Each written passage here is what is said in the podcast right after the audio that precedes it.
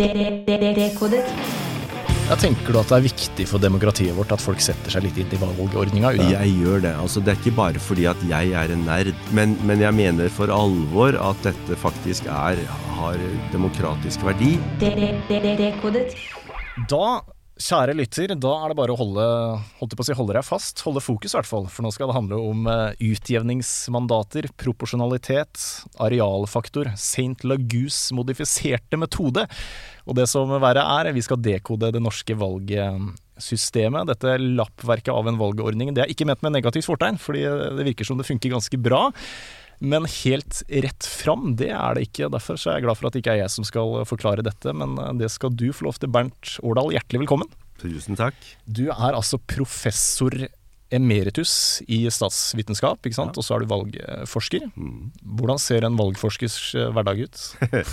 Ja, nei, nå eh, Jeg er jo sånn halvveis pensjonert der også, da. Så, så det er jo mye roligere enn ellers. Men det er klart at det er mye pågang, fordi at det er stor interesse når det er et valg. Eh, Men jeg har yngre kolleger som tar nå mesteparten av, av støyten. Og har sittet i, i studio og sånt. Men eh, jeg har liksom gjort min verneplikt. Jeg har satt 20 år Ja. på rad i NRKs studio på valgnatta. Oi. Og det var jo veldig gøy, men også veldig slitsomt. ikke sant? Syv-åtte timers direktesending på TV. Det er, eh, Da skal du være litt yngre kanskje også. Så det valget her, da satt du hjemme i stua? Da satt jeg hjemme i stua. Første gangen var lokalvalget for to år siden. Eh, Men, så det var en veldig rar følelse. Er det noen spesifikke deler av valget du har forska mer på, eller er det liksom Ja, altså det, den, eh, den delen av det som har med valget å gjøre jeg har forska på, er jo velgerne, velgerbevegelsene. Men eh, det er jo også Jeg har vært leder av valgforskningsprogrammet ved Institutt for samfunnsforskning da, i, siden 1985 og fram til 2020. Uh, og, og, men i det så ligger det at man må jo orientere seg mot veldig mange andre ting også. Partiene, partisystemet. Og jeg har også vært spesielt opptatt nettopp av valgordningen. Da. Så jeg har jo sittet bl.a. i to valglovutvalg som departementet og regjeringen har nedsatt for å utrede en ny valgordning.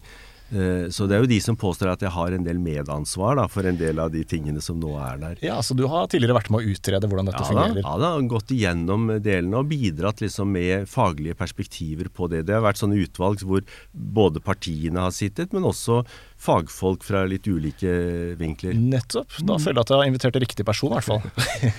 Eh, Når vi sitter og prater nå, så er det onsdag kveld. Eh, Vi vet fortsatt ikke hva slags regjeringskonstellasjon vi ender opp med. Jeg skal prøve å legge ut den poden her i, i løpet av kvelden. Mulig det blir i morgen. Men vi vet vel ikke noe mer i morgen heller, for dette kan jo ta litt tid, ikke sant? Jo, dette kommer til å ta tid fordi at eh, det, det, er- det er alltid litt sånn, først litt sånn sonderinger i mer sånn eh, kose, koseprat, og så, og så begynner de, så blir de på en måte enige om de skal starte reelle forhandlinger. Og det er jo da det virkelig begynner. Og det som er litt spesielt denne gangen, det er jo at det blir jo flertall da for de tre rød-grønne partiene som tidligere har sittet sammen i regjering i åtte år. Men denne gangen så er det jo litt uklart eh, om SV får lov å bli med. Senterpartiet har ikke lyst til å ha det med, ser det ut som. Men samtidig så er man jo avhengig av alle tre for å få flertall. Så, så det, der kommer de nok til å måtte gå noen runder. Men det er, det er egentlig ganske normalt. Og, og det er ikke sånn som i en- enkelte andre land. eh, Nederland holdt på vel i over et år før man egentlig fikk en ny regjering. Det kan ta så lang tid, altså. Ja, I noen land altså for, altså er, Vi ser noen tendenser som også vi ser i Norge til en oppsplitting av partisystemet og partilandskapet. og Det gjør det litt sånn vanskelig å bygge et flertall sammen. Og det er ikke bare et flertall for å sitte i regjering, men det er jo flertall for den, den politikken som skal føres også. Så, så selv om du skulle liksom havne med en mindretallsregjering nå, så, så kan jo ikke den bestemme noe på egen hånd. Den er nødt til å ha støtte fra et flertall eh, av representantene i Stortinget. For et, en mindretallsregjering er også et mulig utfall her, ikke sant? Kun Sp og Arbeiderpartiet, eller bare Arbeiderpartiet alene er vel også en Ja mulighet? da, det, altså I Norge så har to tredjedeler av regjeringene i moderne tid har vært mindretallsregjeringer. Og det har vært regjeringer som liksom måtte kjøre litt slalåm og få, få litt støtte. Men for noen år siden så ble man litt bekymret for det, fordi at eh, det førte bl.a. i budsjettsammenhenger at budsjettene da gjerne måtte plusses på for å få støtte fra de og de, så måtte de liksom få en, en pott. Eh, Så da vedtok man et nytt budsjettreglement på Stortinget, hvor man da må ha flertall for hele budsjettet av de samme folkene eller de samme partiene. Og det er jo en eh, mer krevende situasjon. Så da kan man ikke liksom bare si at ok, vi får flertall for det, den budsjettposten av det partiet, og så går vi til et annet parti for en annen budsjettpost. Det er mer krevende at du skal ha budsjett, eh, flertall for hele budsjettet. Nettopp. Hvilket utfall her tror du er mest sannsynlig sjøl, da? Nei, Det er vanskelig å si. Eh, jeg tror nok de fleste tenker at en trepartiregjering vil, av disse tre partiene, da, disse tre rød-grønne, med flertall bak seg, og det er et ganske solid flertall også, på 89 mandater, at det vil gjøre det lettere eh, å styre landet, på en måte. Mm. Men det er slett ikke sikkert at det blir, eh, blir utfallet. Det vet vi ikke nå. Og Hva er den største baksiden med en ren eh, Ap-mindretallsregjering? Hvorfor vil ikke Jonas det? Jo, nei, altså der er det igjen at da må du du må på en måte sørge, eller shoppe flertall. altså du må, du må, på en måte, Det blir en veldig krevende jobb å skulle få flertall for alle deler av den politikken ja. du fører, fra gang til gang. Eh, og, og, det, nå har du jo på en måte fått også en eh, sterkere fløypartier, ikke sant? Altså særlig Rødt som kom inn. Eh, MDG kom jo ikke inn med så mange som man kanskje hadde trodd. Hadde de kommet inn, så hadde det også vært krevende. Men, men eh, begge de to største partiene er jo blitt mindre enn det de har vært vant til å være. Så, så mm. også Arbeiderpartiet er jo, er jo, Det er jo nest dårligste valget deres på nesten 100 år. Ja. Så, så de, de, forhandler liksom ut fra en litt annen posisjon enn de kanskje har vært vant til før. Så hvis vi ser for oss at Senterpartiet, Arbeiderpartiet og SV blir enige da, om å danne regjering, hvordan eh, er den prosessen da videre? For her er kongen involvert, men det er vel mer sånn pro forma-greie? det er vel ikke Ja, men det er faktisk litt interessant, da, for det er en av de situasjonene hvor han faktisk har en rolle, en formell rolle. Eh, og kongen, Det er jo statsministeren og kongen som tar seg en prat, da. Og, og, kongen spør jo gjerne avtroppende statsminister hvem er det jeg burde ta kontakt med. Og da gir eh, statsministeren råd om det. Eh, hvis det er en litt mer uavklart situasjon, så kan det også være at eh, kongen ber om å få snakke med stortingspresident og parlamentariske ledere og liksom sånt. Og så tar da kongen og innkaller vedkommende person. Det er jo stor sannsynlighet for at dette vil bli Jonas Gahr Støre denne gangen, og gir han i oppdrag å, å, danne regjering. Men vi har også sett det tidligere, at den som har fått i oppdrag å danne regjering, ikke har klart det. Altså ikke klart å, gjerne vil ha flertall, men ikke klart å få flertall. Og måtte da la den oppgaven gå til andre, tilbake til andre. Så da blir det kanskje en ny runde osv. Så, videre. så selv om man kan si at det er en formell rolle for kongen, så er det liksom likevel en, en, et, et, punkt på veien. Det, ja. det, er, det, er litt, det, er, litt, viktig, også det formelle. Er det en litt sånn høytidelig, staselig Hvordan foregår det? Er det på Slottet, liksom? Så konger Nei, altså Jeg er ikke så inne i de kongelige kretser at jeg har det. Men, men er, jeg tror nok at eh, de samtalene foregår på Slottet. Det er, det er kongen altså Man ber ikke kongen om å stikke innom på Stortinget. Nei, altså, det er nok gjerne motsatt at man ja. blir kallet til Slottet. jeg skjønner. Eh, nå var det jo eh, overveldende flertall til rød side, da. Men uh, bare morsomt å sette opp et sånt hypotetisk uh, eksempel. La oss si at henholdsvis blå og rød side hadde fått 84 mandater hver. Og så hadde det siste mandatet gått til Pasientfokus. Og så sier de vi støtter den siden som bygger sykehuset i Alta. Og så svarer begge sidene at nei, det har vi ikke råd til å bruke penger på. Nei vel, da støtter vi ingen av dere. Hvordan avgjør man et sånt valg, da? Nei, altså da, Det er jo da man på en måte kommer i den situasjonen at, at man har noen såkalte primære standpunkter. altså Det er det man egentlig vil, og så er spørsmålet om man på en måte kan strekke seg eh, for å på en måte få en regjering. Og I Norge så har vi den situasjonen at vi ikke kan oppløse Stortinget og utlyse nyvalg imellom ordinære valgperioder. Så det gjør jo at man på en måte er litt dømt til å, å få en regjering. Eh, og så har vi jo også sett i den siste perioden særlig, da, at uh, hvilke partier som sitter i regjering, det kan jo også variere. Og så er det også en interessant ting i det norske systemet, det er at du behøver ikke ha et flertall av uh, representantene i, Stortinget som sier at vi vil ha dere, den regjeringen. ikke sant? Altså peke på altså, Det er det som kalles for en form for tillitsvotum. Investitur, så fint. Det, har, det systemet har ikke vi. Vi har det som kalles for negativ parlamentarisme. Dvs. Si at for så vidt så kan nesten ikke hvem som helst, da, men du kan mange som kan prøve seg å lage regjering, og på en måte etablere en regjering på, på sånn vanlig måte. Og så vil de da eventuelt kunne vente til at de blir stemt ned i Stortinget. At de får f.eks. et mistillitsforslag mot okay. seg, enten på et budsjett eller på en konkret sak. Og, og, regjeringen på sin side, hvis, hvis, de liksom er litt redd for at nå får vi ikke flertall for dette, så kan de sette, stille kabinettspørsmål. og det vil si at da setter de stillingen sin inn på det. Så hvis ikke liksom, de klarer å presse Stortinget, flertallet, til å stemme for det, så går de bare av. Sant? Og så ja. er det en ny, ny prosess. Så, så, det er klart at eh, et parti, som du sier, som sitter på vippen, kan for så vidt ha en en, eh, en uh, viktig uh, rolle hvis det, hvis det, er så, så, spesielt. Men hvis det er det som noen eller La oss si at de alle de andre partiene oppfatter dette nesten som utpressing.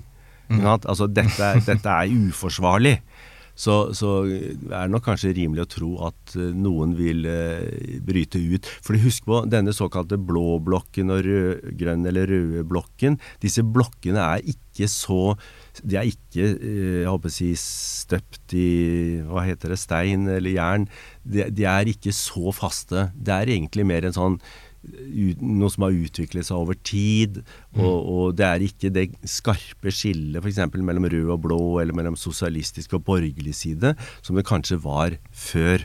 Uh, I det hele tatt så er det også en I Norge så er ikke disse, dette blokkdelingen så skarp som den har vært i en del andre land heller. Mm. Fordi at vi har andre, andre, skillelinjer som kommer litt på tvers. Mm. Ja, ikke sant. Så det er ikke, dette er ikke matematikk. altså Her skal man diskutere og bli enige om å finne en styringsdyktig regjering. Ja, altså. Nei, altså I politikken så er det ikke alltid to pluss to fire. Nei, nettopp.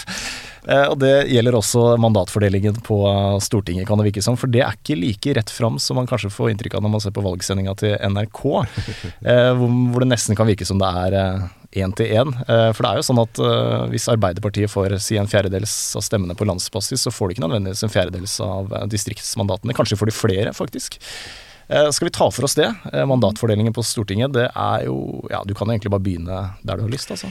Ja, altså det jeg pleier å si når det gjelder den valgordningen, det er at det er ikke nødvendigvis så vanskelig å forstå de ulike delene av den. Eh, det er liksom ikke høyere matematikk, det er ganske enkel eh, regning. Men det er såpass mange deler som, som henger sammen med hverandre, at det å liksom ta seg tid til å liksom sørge for at man skjønner logikken og sånt i det, kan være ganske krevende. Men utgangspunktet, det er jo at vi har vi, vi, skiller liksom mellom distriktsmandater og utjevningsmandater. Altså Vi har 169 totalt, så har vi 150 distriktsmandater og 19 utjevningsmandater. Og disse utjevnings... Nei, distriktsmandater, eller for så vidt alle disse 169 mandatene, de er jo da fordelt på land, på de ulike delene av landet. Før, før, vi fikk disse nye fylkene, så var det for så vidt fylke som var valgdistrikt. Så, og så er det, Hvis man skal endre det, så må man endre Grunnloven, og det tar tid. Så Derfor så var det egentlig de gamle fylkene som var valgdistrikter nå, og ikke de nye. Så det vil si at vi har 19 valgdistrikter. Og så er det liksom det første det er hvordan, hvor mange liksom representanter skal de få i hvert fylke. Vi vet jo at det er veldig forskjell i størrelsen på disse fylkene. Oslo er eh, mye, mye større enn Finnmark og de alle, alle, de andre, for så vidt. Um, og det, der, der, er det liksom, Utgangspunktet der, det kan jo da være enten antallet innbyggere eller antall stemmeberettigede. I Norge så har man valgt dette med antall innbyggere, at det er noe som, som er avgjørende. Uh, og så Dette her var noe som, som var oppe Det ble litt forandringer på i rundt 2003 til 2005, eller valget i 2005. Fordi at før så var det ikke noe systematikk, det var ikke noe regel. Det var bare at man hadde fordelt noen sånne mandater rundt omkring. Og så justerte man noe snort. Og det, dette hang sammen, det går helt tilbake til 1814. Og det er liksom sånn at det var ikke enighet den gangen om at disse ulike valgdistriktene skulle få mandater eller representanter etter sin, sin styrke, sånn, altså hvor mange som bodde der. Fordi man var veldig redd for at det skulle bli en veldig sånn maktkonsentrasjon i Oslo og hovedstaden. Så derfor så fikk de litt ekstra med eh, representanter utover i, i Distrikts-Norge. Men dette var begynt å bli, komme litt helt ut av laget. ikke sant? At det var ikke noe systematikk i det.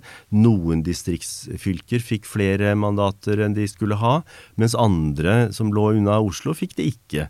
Så, så, det var en, en, en, misnøye rundt det. Og så prøvde man liksom, hvordan skal vi få noe system på det. Og for å gjøre en lang historie kort, så ble, ble man enige om at dette med areal i kvadratkilometer, altså størrelsen på de gamle fylkene, at det kunne være en sånn liten eh, et lite mål, en sånn an anslag. Da. Det, er ikke noe, er ikke noe høyere tenke, tanke rundt det egentlig, annet enn at det var et praktisk mål. Så det man da fant ut, var at hvis man ga hver innbygger vekt av 1, og så hver kvadratkilometer i fylket 1,8, det er denne arealfaktoren som du nevnte, som høres veldig mystisk ut. Og så fordeler man 169 mandater på de ulike valgdistriktene etter denne enkle formelen. Så høres jo det ut som at oi, da er det jo et sånn arealdemokrati. ikke sant? Altså mm. hvor, hvor, stort det er i, utstrekning er det som betyr noe. Og da har man jo gjort seg litt sånn morsom at det er mye, det er mye ledig plass da, ikke sant, som, som, som har sin representant, mens det veldig sånn folkerike steder ikke har det.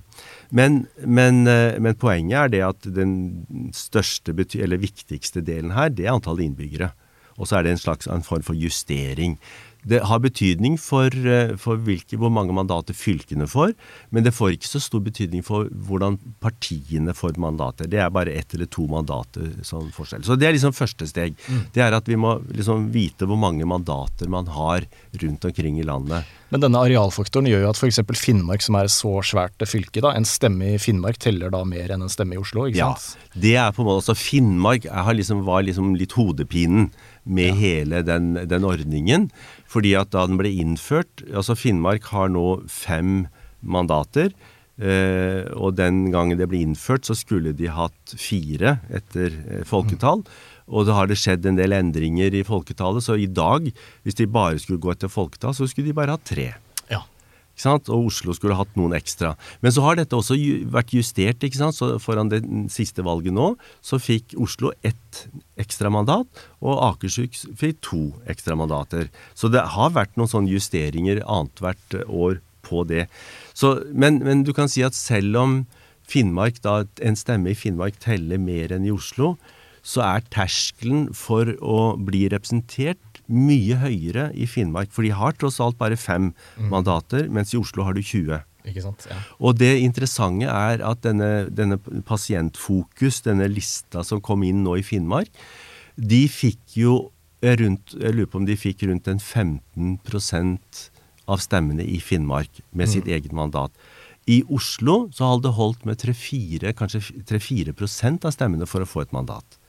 Så, Riktig, sånn sett så kan du si at selv om det er en sånn skjevhet som du peker på, så er det relativt sett lettere å bli representert, få en representant fra Oslo, enn det er fra Finnmark. Nettopp. Så det, det er det mange som ikke er helt klar over. Ja, og fordi folketallet endrer seg, som du nevnte, så revideres dette, eller ja. det endres Er det annethvert år? eller det er annethvert valg. Annet så valg, ja. Åtte år, men i dette i nye valglovutvalget så foreslår at det skal revideres for hvert valg. Altså hvert fjerde år. Så før stemmene er telt opp i det hele tatt, så vet man allerede på forhånd hvor mange mandater de ulike ja. valgdistriktene ja. skal få utdelt? Akkurat ved antallet mm. vet man på forhånd. Så kommer da den dagen man har samlet inn stemmene, og så skal man da prøve å finne ut hvor mange representanter eller mandater hvert parti får. Og da er det man da uh, har denne inndelingen i distriktsmandater og utjevningsmandater. Først så tar man da liksom hvert valgdistrikt, hvert gamle fylke for seg, og så sier ok, hvor mange mandater har dere? Jo, her er det åtte mandater, eller noe sånt. Og så vi, setter man opp, jaha, lager en oversikt over hvor mange stemmer hvert parti har fått. Det første man gjør, og det er litt spesielt, det er at man da ikke ser først på hvilke partier er det som fikk flest stemmer, for det vil jo være rimelig å si at ja, de skal jo i hvert fall ha det første mandatet. Men da tar man og deler dette på 1,4. Og det er sånt, eh, den modifikasjonen som du snakket om, eller den, den forandringen av denne Serlagys metode som man har gjort. Og, og, det var også i sin tid et kompromiss. Dette var en ordning som ble innført i 1952 og, og, som egentlig gir de største partiene en liten fordel. Så før du liksom begynner å fordele, så deler du alle stemmetallene på 1,4. Og så ser du liksom sånn Jaha, hvilket parti har flest stemmer da? Jo, det er Arbeiderpartiet, Høyre, ikke sant? et av de kanskje største partiene. Så kan du si at hvordan skal vi da fordele resten av mandatene? Jo, det man da gjør, det er en såkalt deletallsmetode man bruker. Så, del, så bruker man eh, oddetallsrekken. Så hvis du har fått ett mandat, så skal ditt stemmetall deles på tre. Og så, det, så det er liksom steg to, andre mandatet. Så ser du liksom nedover listen der, hvem er det nå som har det største stemmetallet? Det kan være det samme partiet, hvis det er veldig stort, men det kan også være et, et annet parti som liksom rykker opp. Og hvis det er et annet parti, så skal det også dividere stemmetallene sitt på tre. Og så kan du si at hvis da det første partiet kommer litt sånn tilbake igjen i, i tredje runde, eller tredje mandatet, og får det, det tredje, så skal deres stemmetall deles på fem. Ikke sant? 1,4, 3, 5, 7, 9, 11 osv. Oddetallsrekken rett og slett oppover. Mm. Så dette kan man Og det er liksom noe av si, litt min kjepphest.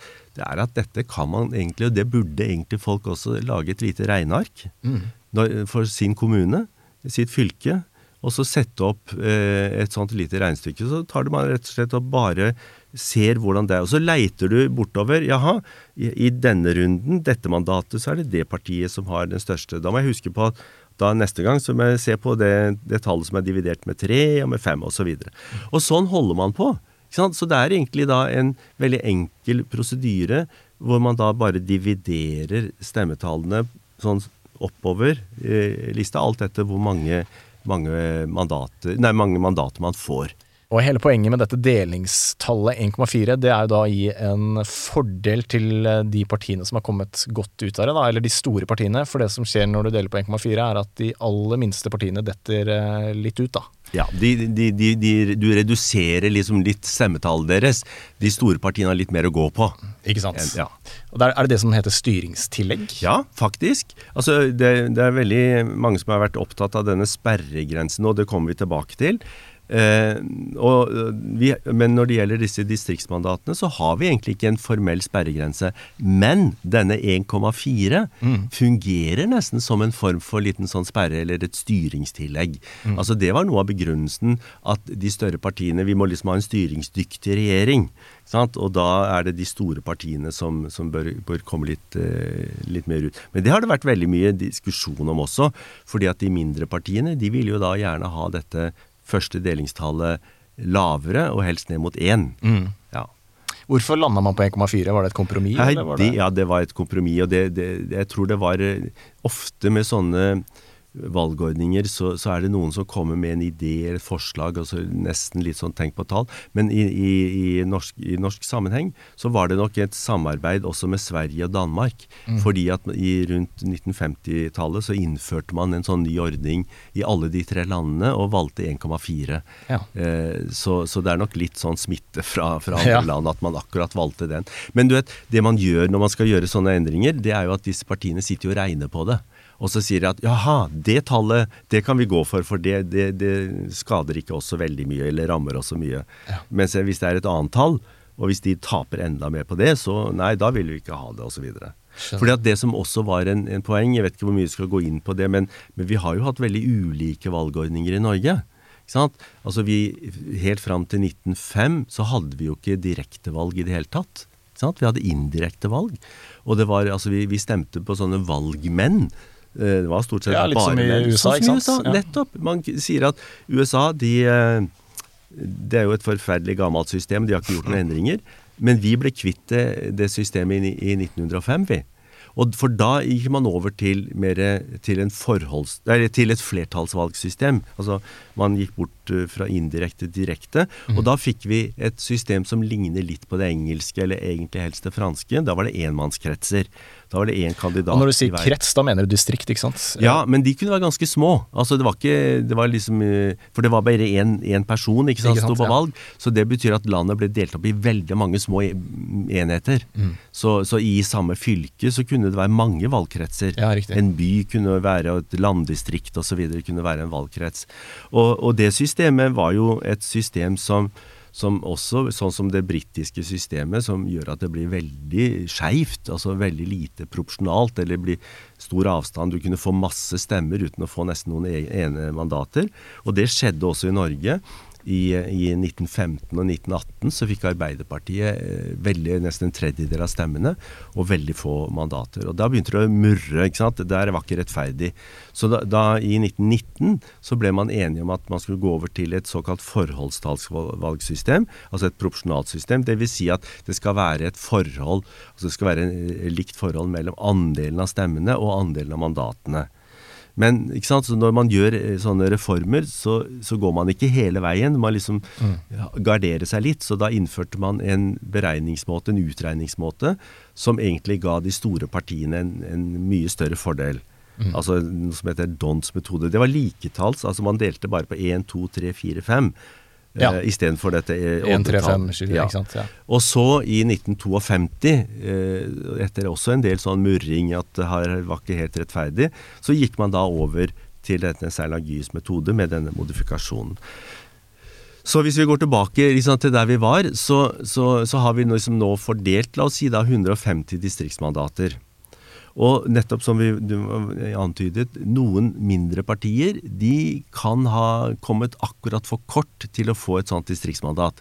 Men hvis de legger sammen stemmene deres for hele landet, så kan det være at de egentlig har fått en ganske, en ganske mange stemmer, men de har ikke fått noen særlig masse mandater.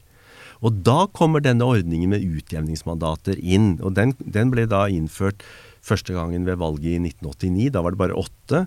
Og i 2005 så ble det utvida til 19. Så enkelt forklart så er utjevningsmandatene de skal liksom kompensere litt, eller justere den, den skjevheten som da ble, som kom ved dette distriktsoppgjøret.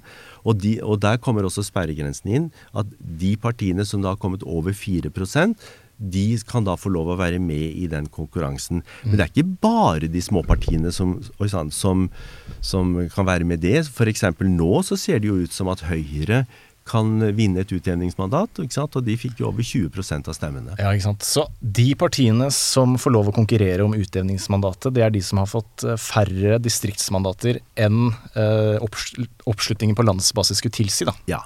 Kan, du kan for så vidt tenke deg at man kan gjøre, gjøre et sånt oppgjør i to, to, omganger. Det ene er dette her med at man da beregner det i valgkretsene. Og så kan man også gjøre en annen hvor man tar, altså, gjør hele Norge til én valgkrets. Mm. Hvordan ville fordelingen da ha blitt? Og så sammenligner man de. Særlig de 150 mot 150. Mm. Og så finner man ut f.eks. at noen partier de har kommet veldig godt ut av den der første. Ja. Da, men de får da lov å beholde det. Og det er også en liten finurlig greie, fordi at i Sverige så har de nettopp nå justert sin valgordning, slik at hvis du får flere mandater i distriktene, så må du levere det tilbake igjen. Og så ja. gjør de en ny beregning. Oh, ja. Mens i Norge så er det fortsatt sånn at hvis du får flere mandater da, eh, distriktsvis enn du ville egentlig fortjente, da, for å si det sånn, så får du lov å beholde det. Og Der, der er det litt sånn styringstillegget kommer inn. Men, men, de som da kommer litt dårlig ut, de får en ny sjanse ved at de er mer å konkurrere om disse 19, 19 mandatene. Og det betyr, hvis, hvis du kommer over 4 så får du egentlig en, en ganske bra uh, uttelling og en bra samsvar mellom din andel av velgerne og din andel av, av mandatene. Ja. Faller du akkurat under Det vet sant? MDG altfor godt. Nettopp! Dette, dette, valget her er jo uh, virkelig et uh, godt pedagogisk eksempel. Ikke sant? Ikke sant? Altså Venstre som kom over for åtte mandater og, og, Miljøpartiet De Grønne som kom akkurat under. og det, det, ser jo ut som at det er veldig små marginer nå. Snakket om 1700 stemmer, altså 3,94% ja. istedenfor 4,0. Så snakket om 1500 stemmer eller et eller annet. Ja, 1500-1700, et eller annet. Uh, og da får de plutselig bare tre. Ja. Så da, da ser du liksom det, den, den, effekten av det. Og så har du Kristelig Folkeparti, som også kom. De kom på 3,8, som også får 3. Så, Ja. sånn, så, så det er, og det er ikke veldig stor endring for f.eks. For, for Kristelig Folkeparti. De fikk 4,2% sist, og så 3,8. Det er 0,4% Og så går de da fra, fra 8 til 3 mandater. Så, så effekten av det er ganske, Mm. Det er, ganske stor. eh, Og den 4 er det, noe, er det noen grunn til at det er akkurat er 4 eller må man bare sette Nei, grensa et sted? Liksom? Ja, altså man må sette grensa et sted, og, og i internasjonalt så er dette med sperregrense varierer jo litt, men det er veldig mange som har det. Og noen ganger steder så er det sånn 4 eller 5% I Tyskland f.eks. er det 5 i Sverige er det 4 Eh, og, og, men, men mange av de har da sperregrense på begge nivåene. Eh, Det har man f.eks. i Sverige. Så i Sverige så ville ikke, la oss si denne Pasientfokus, de ville ikke ha kommet inn heller i enkelte valgdistrikter, de. Fordi de fikk Altså, jeg tror de hadde 0,2% land på landsbasis. Ja. Men så hadde de sånn ca. 15% i Finnmark. Så det, det er en ganske viktig forskjell, at, at vårt system er åpnere enn det svenske. I Sverige så kan du komme i det, en liten korreksjon. De ville faktisk ha kommet inn hvis de lå over 12 i Finnmark. Men, men hvis det hadde ligget under 12, så hadde det ikke gått. Riktig. For det er den ordningen de har i Sverige. At hvis du får 12 i et eh, distrikt, så, så kommer du liksom inn. Men det er ganske høy terskel. Det er ganske høy Ja, terskel, ja, men eh, de klarte det. Tror du det blir noe sjukehus i Alta? ja, det er et veldig godt spørsmål. De, så vidt jeg vet, så har de hatt sånne sykehuslister der før. Riktig. Eh, og det er jo et akuttsykehus de vil ha også. Okay, ja. og, og, og så er det helt åpenbart det Jeg skal ikke gå inn Nei, i detaljer det. på den. Nei. Men eh, ok, her har du altså to elementer i valgsystemet som, som utligner hverandre, kan du ikke si det? At dette delingstallet på 1,4 gir et styringstillegg, fordel til de store partiene. Og så kompenserer man med utjevningsmandater. Men hvis man hadde fjerna 1,4 da, og delt på 1 istedenfor, og fjerna utjevningsmandater, ville ikke det gitt ca. samme resultat? Jo, altså Nei, ikke, ikke helt. Altså, det, det er klart at eh, grunnen til at man, man vil ha det, det er jo det at det er alltid en balanse når man skal lage et, en valgordning mellom proporsjonalitet, eller altså det å bli representert, at alle skal, alle skal med, liksom, på den ene siden, og det at man skal være i stand til å ha en rimelig effektiv styring. Fordi klart, Hvis det blir så mange ulike små partier at man f.eks. sliter med å få danna regjering, så kan det føre til at tilliten til politiske systemet, til partier og politikere svekkes. Fordi at altså, tilliten som vi Altså nor nordmenn har en veldig høy tillit til eh, politikere og partier sånn relativt sett. Den er ikke skyhøy, men vi har veldig stor tillit til systemet vårt, og til valgsystemet og sånt. Eh, Men det er klart, hvis, hvis de ikke de får igjennom noen ting, ikke sant, og det er bare krangling, og de klarer ikke å danne regjering og alt sånt, så kan du risikere at det går. Så det er på en måte legitime hensyn, begge deler. Så det er liksom ikke så enkelt at hvorfor Hvorfor ikke liksom gjøre det fullstendig proporsjonalt, ta bort alle de tingene. Og da kan man si at den, det, det, den enkleste måten å gjøre det på, har jo vært å gjort Norge til én valgkrets. Sånn som i Nederland. Ikke sant? Ikke sant. Da behøver ikke de Men da ville jo distriktene protestert og så si at vi må ha våre representanter inne. Så, så det er jo, og det er alltid slik at når man skal gjøre endringer i dette, så, så protesterer jo de partiene som taper på det. Og det er, jo, sant, det er jo de partiene som skal vedta dette. Det er jo de som vedtar lover. Stortinget. Og, og hvis, det er, hvis det er veldig sånn drastiske endringer, så, så, så blokkerer de det. Riktig. Men jeg sa jo litt på tullet i stad at valgsystemet vårt er et lappverk. Men det kan virke som at liksom man kompenserer ved å legge på et nytt element hele tida. Eh, Men vil du si at valgsystemet vårt har blitt perfeksjonert med tiden og blitt bedre? Eller er det Ja, det er blitt, det er blitt mer proporsjonalt. Det er Ja. blitt mer oversiktlig. F.eks. da man fikk inn denne arealfaktoren som mange ikke liker, så, så fikk vi liksom litt mer system i det, og den, det, det er mye mer, blitt mer dynamisk. ikke sant? Altså at, at det justerer seg. Og antagelig så justeres mandatfordelingen på fylkene mer enn en del hadde trodd da dette ble innført. Man tenkte at nei, det, det der betyr ingenting. Men vi har jo faktisk sett at, at en sånn, jeg tror det er rundt åtte mandater ja, som har, har blitt flyttet på fylker før. Ja. Eh, så, så der, og, og proporsjonaliteten, f.eks. med utjevningsmandatene, er også blitt mye bedre. Så det diskusjonen står på nå, det er jo bl.a. denne sperregrensen. Og i dette valglovutvalget så er det et flertall som egentlig ønsker å redusere den til tre. Ja, ok. Jeg er blant annet av de som, som, som, som mener at eh, man kanskje kunne redusere den til tre. Så dukker det opp et annen liten utfordring, og det er med disse store sammenslåtte fylkene, så blir terskelen enda Altså noe av det som påvirker proporsjonaliteten mest, er valgdistriktets størrelse. Altså antallet representanter som skal velges. Det er jo for så vidt naturlig. ikke sant? Er det mange å velge, så er det lettere å, å komme inn. Og Det gjør f.eks. at i Viken, hvis man skulle ha Viken eh, som et eget valgdistrikt, så ville terskelen kanskje bare bli rundt 2% og, og da, det, da, tenker man at det Da begynner det å komme veldig lavt ned. Eh, selv om det i praksis er den grensen de har i Danmark, så syns man i Norge at det, det er kanskje vel at det, at det, vil invitere til en større splittelse av partisystemet.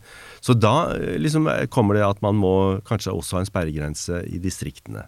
Men nå, nå, er det en ny regjering, så nå er det ikke sikkert at det blir noe aktuelt. Nei, ikke sant? Men nei. Viken var jo ikke et valgdistrikt nå heller. Nei, ikke sant? nei, nei men, men, men, det har vært en diskusjon ja. om de nye fylkene skulle bli valgdistrikter. Skjønner, ja. Fordi at det, det, at vi nå har de gamle fylkene, det er jo mer en følge av at sånn har vi hatt det, og så ja. har man ikke rukket å gjøre noen eh, grunnlovsendringer. Nettopp. Selv om man kanskje noen hadde villet det. Så, så det er et sånt litt åpent spørsmål.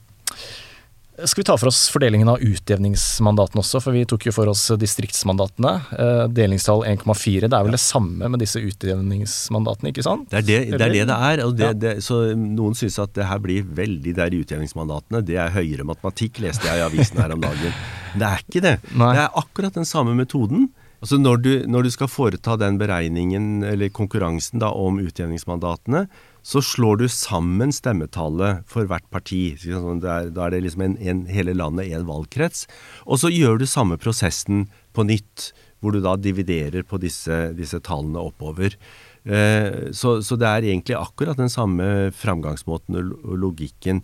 Det som kanskje noen syns er mest vanskelig å forstå, det er vil, hvor i landet disse utjevningsmandatene havner. Fordi at det å fordele 19 mandater, det er på en måte bare å la denne lille kverna rulle og gå, ikke sant. Og når du kommer til 19, så er det ikke noe flere igjen. Så, så, da Hadde det vært 20, så hadde det vært noen som hadde fått det også, ikke sant. Men, men det er et, et gitt uh, antall. Så, men så er det da liksom noe av problemet er eh, hvor skal du plassere disse, disse utjevningsmandatene? Vi hadde i, fra 1989 og til 2001 så hadde vi en ordning hvor det var det største reststemmetallet som avgjorde hvor disse fylkene kom. Ikke sant? Hvert parti, la oss si at ditt parti hadde fått fire, eh, fire utjevningsmandater.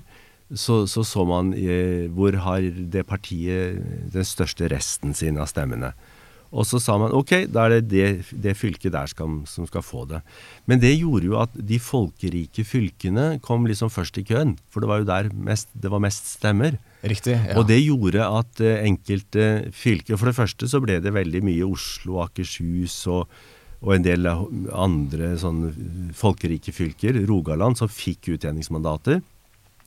Telemark fikk f.eks. ved et valg to utjevningsmandater. Så da, da forrykket du liksom den geografiske fordelingen eh, veldig. Så nå, når man da ble enige om denne med arealfaktoren og alt dette, så, så, var det liksom fastlagt. Og da bestemte man at det siste mandatet i hver, hvert valgdistrikt skulle være utjevningsmandat. Ja. Og så kommer da liksom Nå begynner det å bli litt større regnestykke. Men, men det, er ikke, det, er ikke, egentlig så komplisert det heller, hvis man tar det bare én. Fordi La oss tenke oss at et parti manglet 1000 stemmer på et mandat i Oslo. Og så manglet de 2000 stemmer på et mandat i Finnmark. Da kunne man tenke seg at de ligger jo nærmest til å få et mandat i Oslo. Ja. Så Oslo skulle liksom få det utjevningsmandatet. Men så vet jeg at det er mange flere velgere i Oslo. Mm. Slik at hvis vi da tenker 1000 i forhold til, til eh, det antallet velgere du har i, i Oslo La oss si at, at, i forhold til det stemmetallet som det partiet hadde i Oslo, ja. så er det en større brøk ja. enn de 2000 stemmene Nei, det er en mindre brøk, unnskyld.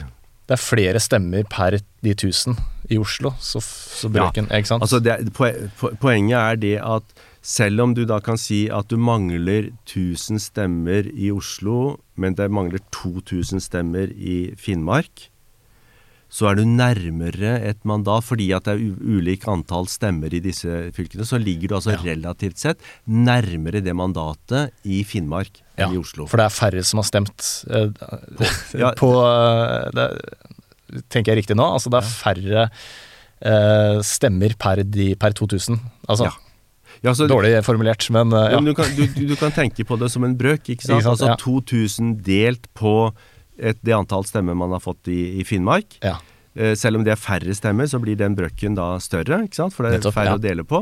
Mens i Oslo så har du fått enda flere stemmer under brøkstreken. Nettopp, så da blir det lavere, en lavere brøk, rett og slett. Lavere resultat. Ja, altså da går det mandatet til Finnmark istedenfor, ikke sant? Nettopp. Nettopp. Ja. Så, så, du kan si det at det, det, man har gjort, det er at man da, eh, for å liksom finne ut hvilke fylker disse utjevningsmandatene skal gå til, det er at man for hvert parti så, så går man til, fra fylke til, eller fra valgdistrikt til valgdistrikt, og så sier man hvor mange stemmer eh, må man ha for et mandat her. Da får du et gjennomsnittlig antall stemmer. Riktig. Eh, det koster liksom mandatene her. Ja. Og det vet vi er veldig forskjellig. Som du var inne på, at det koster mye mer i Oslo enn det gjør i Finnmark. Mm. Men så tar man da det stemmetallet som hvert parti står igjen med, så dividerer man det på det gjennomsnittlige antallet. Riktig. Og det blir jo da en brøk, ikke sant? Ja. Av litt ulik størrelse. Og de brøkene, for de partiene som har fått utjevningsmandater, la oss si at det er fire eller fem mandater, partier som har fått utjevningsmandat, så tar man og lager, sorterer alle de brøkene etter hverandre. Sant? Nedover. 19. Ja, ja. Sånn, for hvert parti 19 brøker. Så tar man da, og det er der liksom litt sånn bokholderiet kommer inn, at man da går og Så starter man Hvilket parti har den høyeste restbrøken? Jo, det har Venstre i Finnmark. Ja, Så ja. det første mandatet, utjevningsmandatet går til Venstre i Finnmark? Så Venstre skal ha, skal ha et, de skal ha et utjevningsmandat, og de har den største restbrøken, og den er i Finnmark. Det er bare tikk. Da, da, er den grei. Og da tas Finnmark selvsagt ut av den eh, beregningen, for da har de ikke noen flere utjevningsmandater. Og så, går, så kan det f.eks. være at det er SV i Møre og Romsdal som ja. har den neste brøkken eller, eller Kristelig Folkeparti, hvis de hadde fått da, i, i eh, Sogn og Fjordane, eller et eller annet. Så, så, du bare går nedover den lista. Du, du, rangerer dem fra det største brøken og så mm. nedover. Og så helt til alle partier. Så plutselig så er det et parti som i og for seg har en større brøk, men som har fått alle sine utjevningsmandater. Ikke sant? Ja, det skal ikke flere da. Sorry, Mac. Vekk med den. ikke sant? Så, så, du kan si at det er på en måte litt sånn eliminasjonsmetoden. Ja. Altså Etter hvert så sitter du igjen med en ganske sånn kort liste, og så sier ja, nå har vi liksom tre utjevningsmandater igjen. Hvem er det igjen her? Og, og det gjør for så vidt også at de aller siste utjevningsmandatene, der kan det være relativt små marginer. Og, og der er det ofte det, kan det også være sånn at, at et parti får et utjevningsmandat i et fylke hvor de kanskje ikke har så veldig mange stemmer. Og det er det jo en del som, som har reagert på og syns at ja, men i all verden får det og det partiet et utjevningsmandat her. De fikk jo bare 1200 stemmer, ikke sant. Det var jo elendig. Men det de glemmer da, det er at den beregningen du da har gjort, det er partiets samlede stemmetall. Slik at, at det er ikke stemmene i fylket alene, det er partiets stemmer Samlet oppslutning i landet totalt, ja. ja. Og så kan man si det at eh, den kunne kanskje vært gjort på andre måter, men, men det som har vært eh, hovedhensynet, det har vært den partipolitiske proporsjonaliteten. Mm. Og at man på en måte har sagt at den geografiske fordelingen, den ble vi ferdig med der. Den, den skal vi ikke rokke med. Og så er da det viktige er den partipolitiske proporsjonaliteten. Fordi at vi vet jo at i Stortinget så er det jo partitilknytning og partitilhørighet som er det viktigste, tross alt. Ikke sant. Ok, så um, før disse utjevningsmandatene plasseres eh, Før man vet hvilket parti eh, som får utjevningsmandatet i eh, de respektive fylkene, så har man allerede bestemt hvor mange utjevningsmandater de ulike partiene Ja. får. ikke sant? Så det, det fastslås først, Ja. og så fordeler man de fylkesvis etterpå. Ja. Ja. Så du kan si det at sånn som nå, hvor det var snakk om eh, at eh, det ble noe sånn fintelling i, i Nordland fylke, Ja. og hvor det var eh, liksom et, eh, et, eh, parti som da plutselig fikk et distriktsmandat istedenfor et utjevningsmandat osv., så, videre. så så påvirker jo det kanskje hele, hele beregningen. Men vanligvis så er det slik at, at det ikke er Altså at den fordelingen av utjevningsmandater, den er gitt. Og så er det spørsmålet om hvor får du distriktsmandat, og hvor får du utjevningsmandat. Ja, nettopp. Skal jeg ta sjansen på å prøve å oppsummere det her? Jeg vet ikke om jeg tør, jeg. Jeg kan prøve. Vi i Rema 1000 kutter igjen prisene. Nå på en mengde påskefavoritter. For eksempel kutter vi minst 25% på gourmetstykket fra Hatting, 150 gram bacon fra Nordfjord, rett i koppensuppe fra Toro og andre påskefavoritter. Alt dette og enda flere priskutt på minst 25 For det er sluttsummen på påskehandelen som teller. Og husk at vi fortsatt har fryst prisen på over 1000 varer. Nå lønner det seg å hamstre påskekosen hos Ark. Ark inviterer nemlig til påskefest med skremmende bra nyheter, pocket fra 99 og 40% på alle spill og puslespill. Ark-påske betyr rett og slett mye påske for pengene.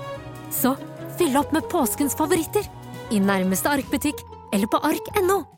Eh, du får korrigere meg underveis, da. Eh, 169 eh, mandater på Stortinget, 150 er distriktsmandater.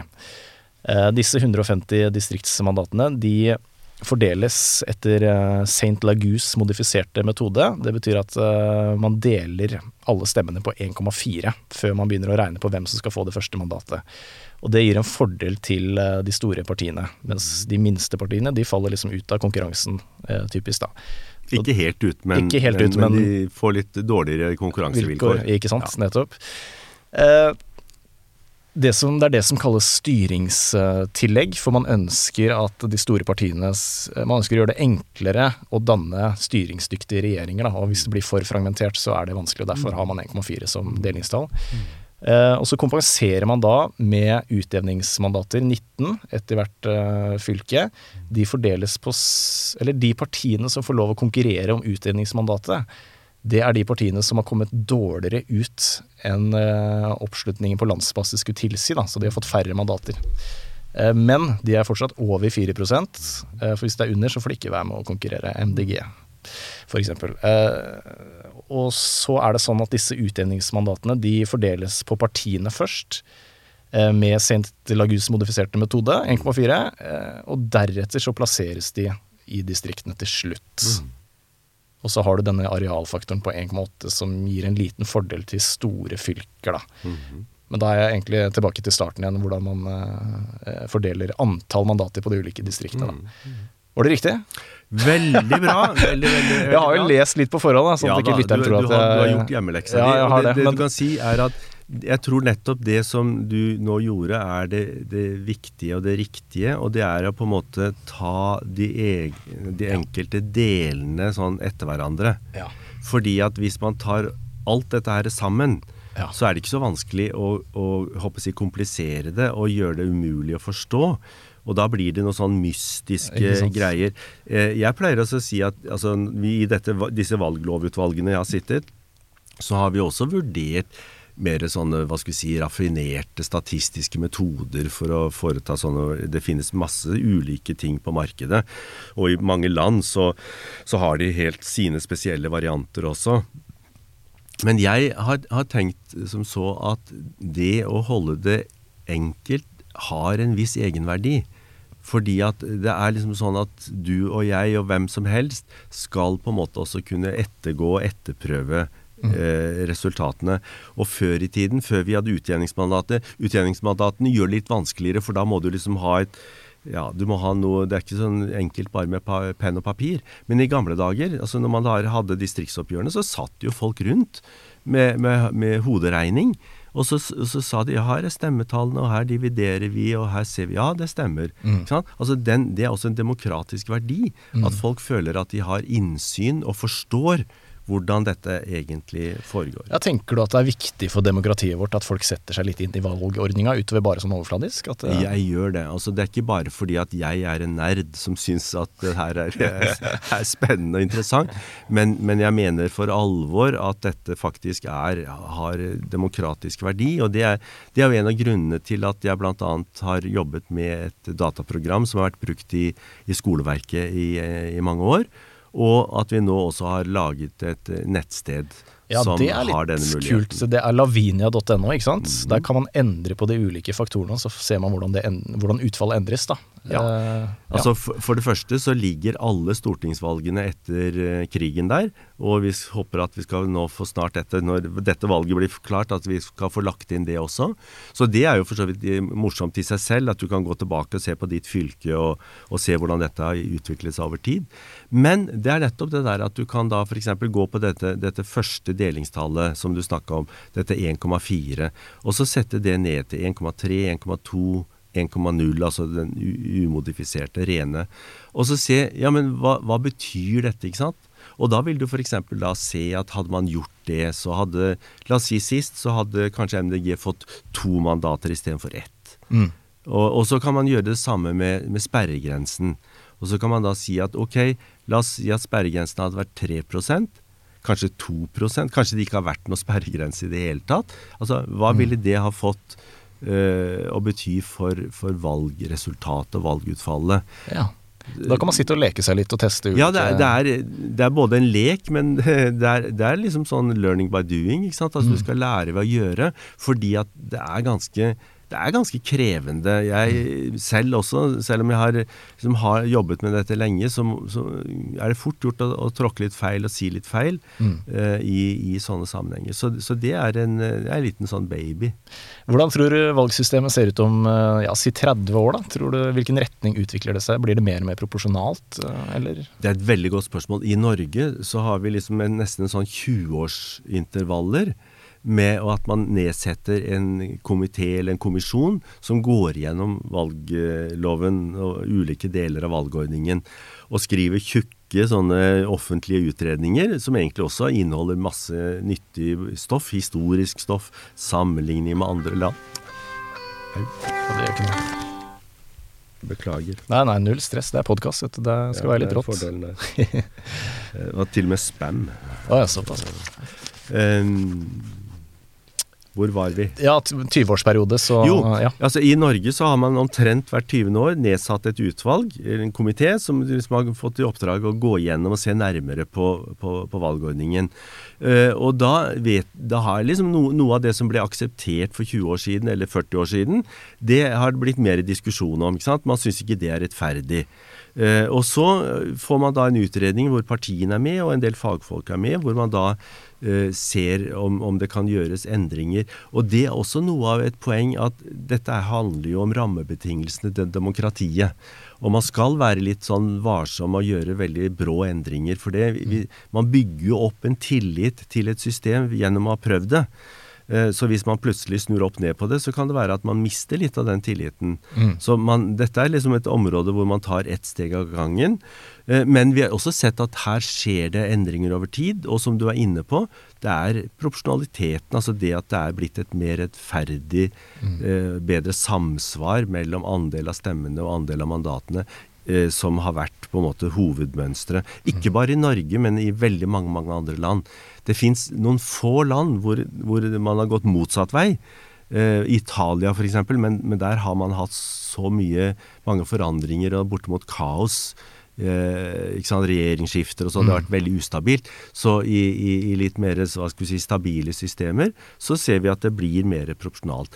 Og f.eks. denne arealfaktoren som, som jeg nevnte, det, den er jo noe som er også en, et flertall i, i dette siste utvalget foreslår at man kanskje skal eh, kutte ut. Ja, ok, Så det er ikke Ja. sikkert at en stemme i Finnmark teller mer enn en stemme i Oslo Nei, om for- 15 år? altså? Men, men, men det man da isteden kan gjøre, er at man kan sette et minsteantall på representanter. For det er klart at hvis du, hvis du plutselig bare har to representanter igjen, eller tre, så, så blir det jo veldig høye terskler for å, å få noe, komme noe nytt. Ja. Så, så det, er, det er veldig mange som sier at hvis du, hvis du tar bort den, så må du f.eks. da si at hvert fylke skal ha minst fire representanter. Mm. Men dette er jo litt avhengig av hva som blir valgdistriktene framover også. ikke sant? Altså Mm. Nå fylkes-regionstrukturen er i spill, og vi vet Ja. ikke helt hva som Nei, hvis. Trygve får eh, bestemme, så blir det Ja. 19, altså. Ja. Og det samme gjelder jo, gjelder jo eh, Altså sperregrensen er én ting. Eh, annen ting, ikke sant. Altså at eh, kanskje man vil sette den ned. Eh, Kanskje man eh, vil endre på dette første delingstallet, og så ta det bort. Så, så det er veldig mange av de tingene som jeg tror også er litt avhengige av hva som skjer politisk. Altså hvor mange partier begynner vi å få?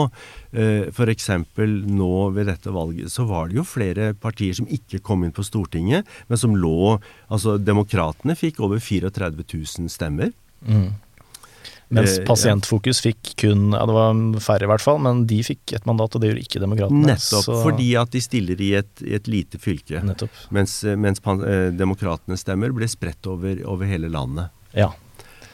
Det, ja, det er jo med på å oppsummere hvordan valgordningen funker i Norge, på en måte. Ja, det er det. Så, så derfor så er det veldig gøy at vi har denne samtalen nå etter valget. For da Ja. fikk du illustrert veldig mye av poenget med det. Altså at, eh, at, eh, og, og at det kanskje også at det er noen grunner til at man ikke sier at det er fullstendig matematisk proporsjonalt. Mm. For det er klart at hvis, hvis disse tre partiene som vi begynte å snakke om, som nå fikk flertall eh, seg imellom, hvis de ikke hadde gjort det, så hadde det plutselig situasjonen blitt mer krevende. For da måtte de kanskje ha støtte fra ett, eller kanskje to Mm. partier i tillegg. Nettopp. nettopp. Dette her har vært eh, veldig eh, lærerikt. eh, litt vanskelig, men ikke så vanskelig at det ikke er mulig å forstå. Men det er lov å høre på denne episoden her to ganger, altså. Kan bare si det. Tusen takk for eh, at du tok deg tid, Bernt eh, Åla. Selv takk. Denne podkasten er produsert av Tid og list!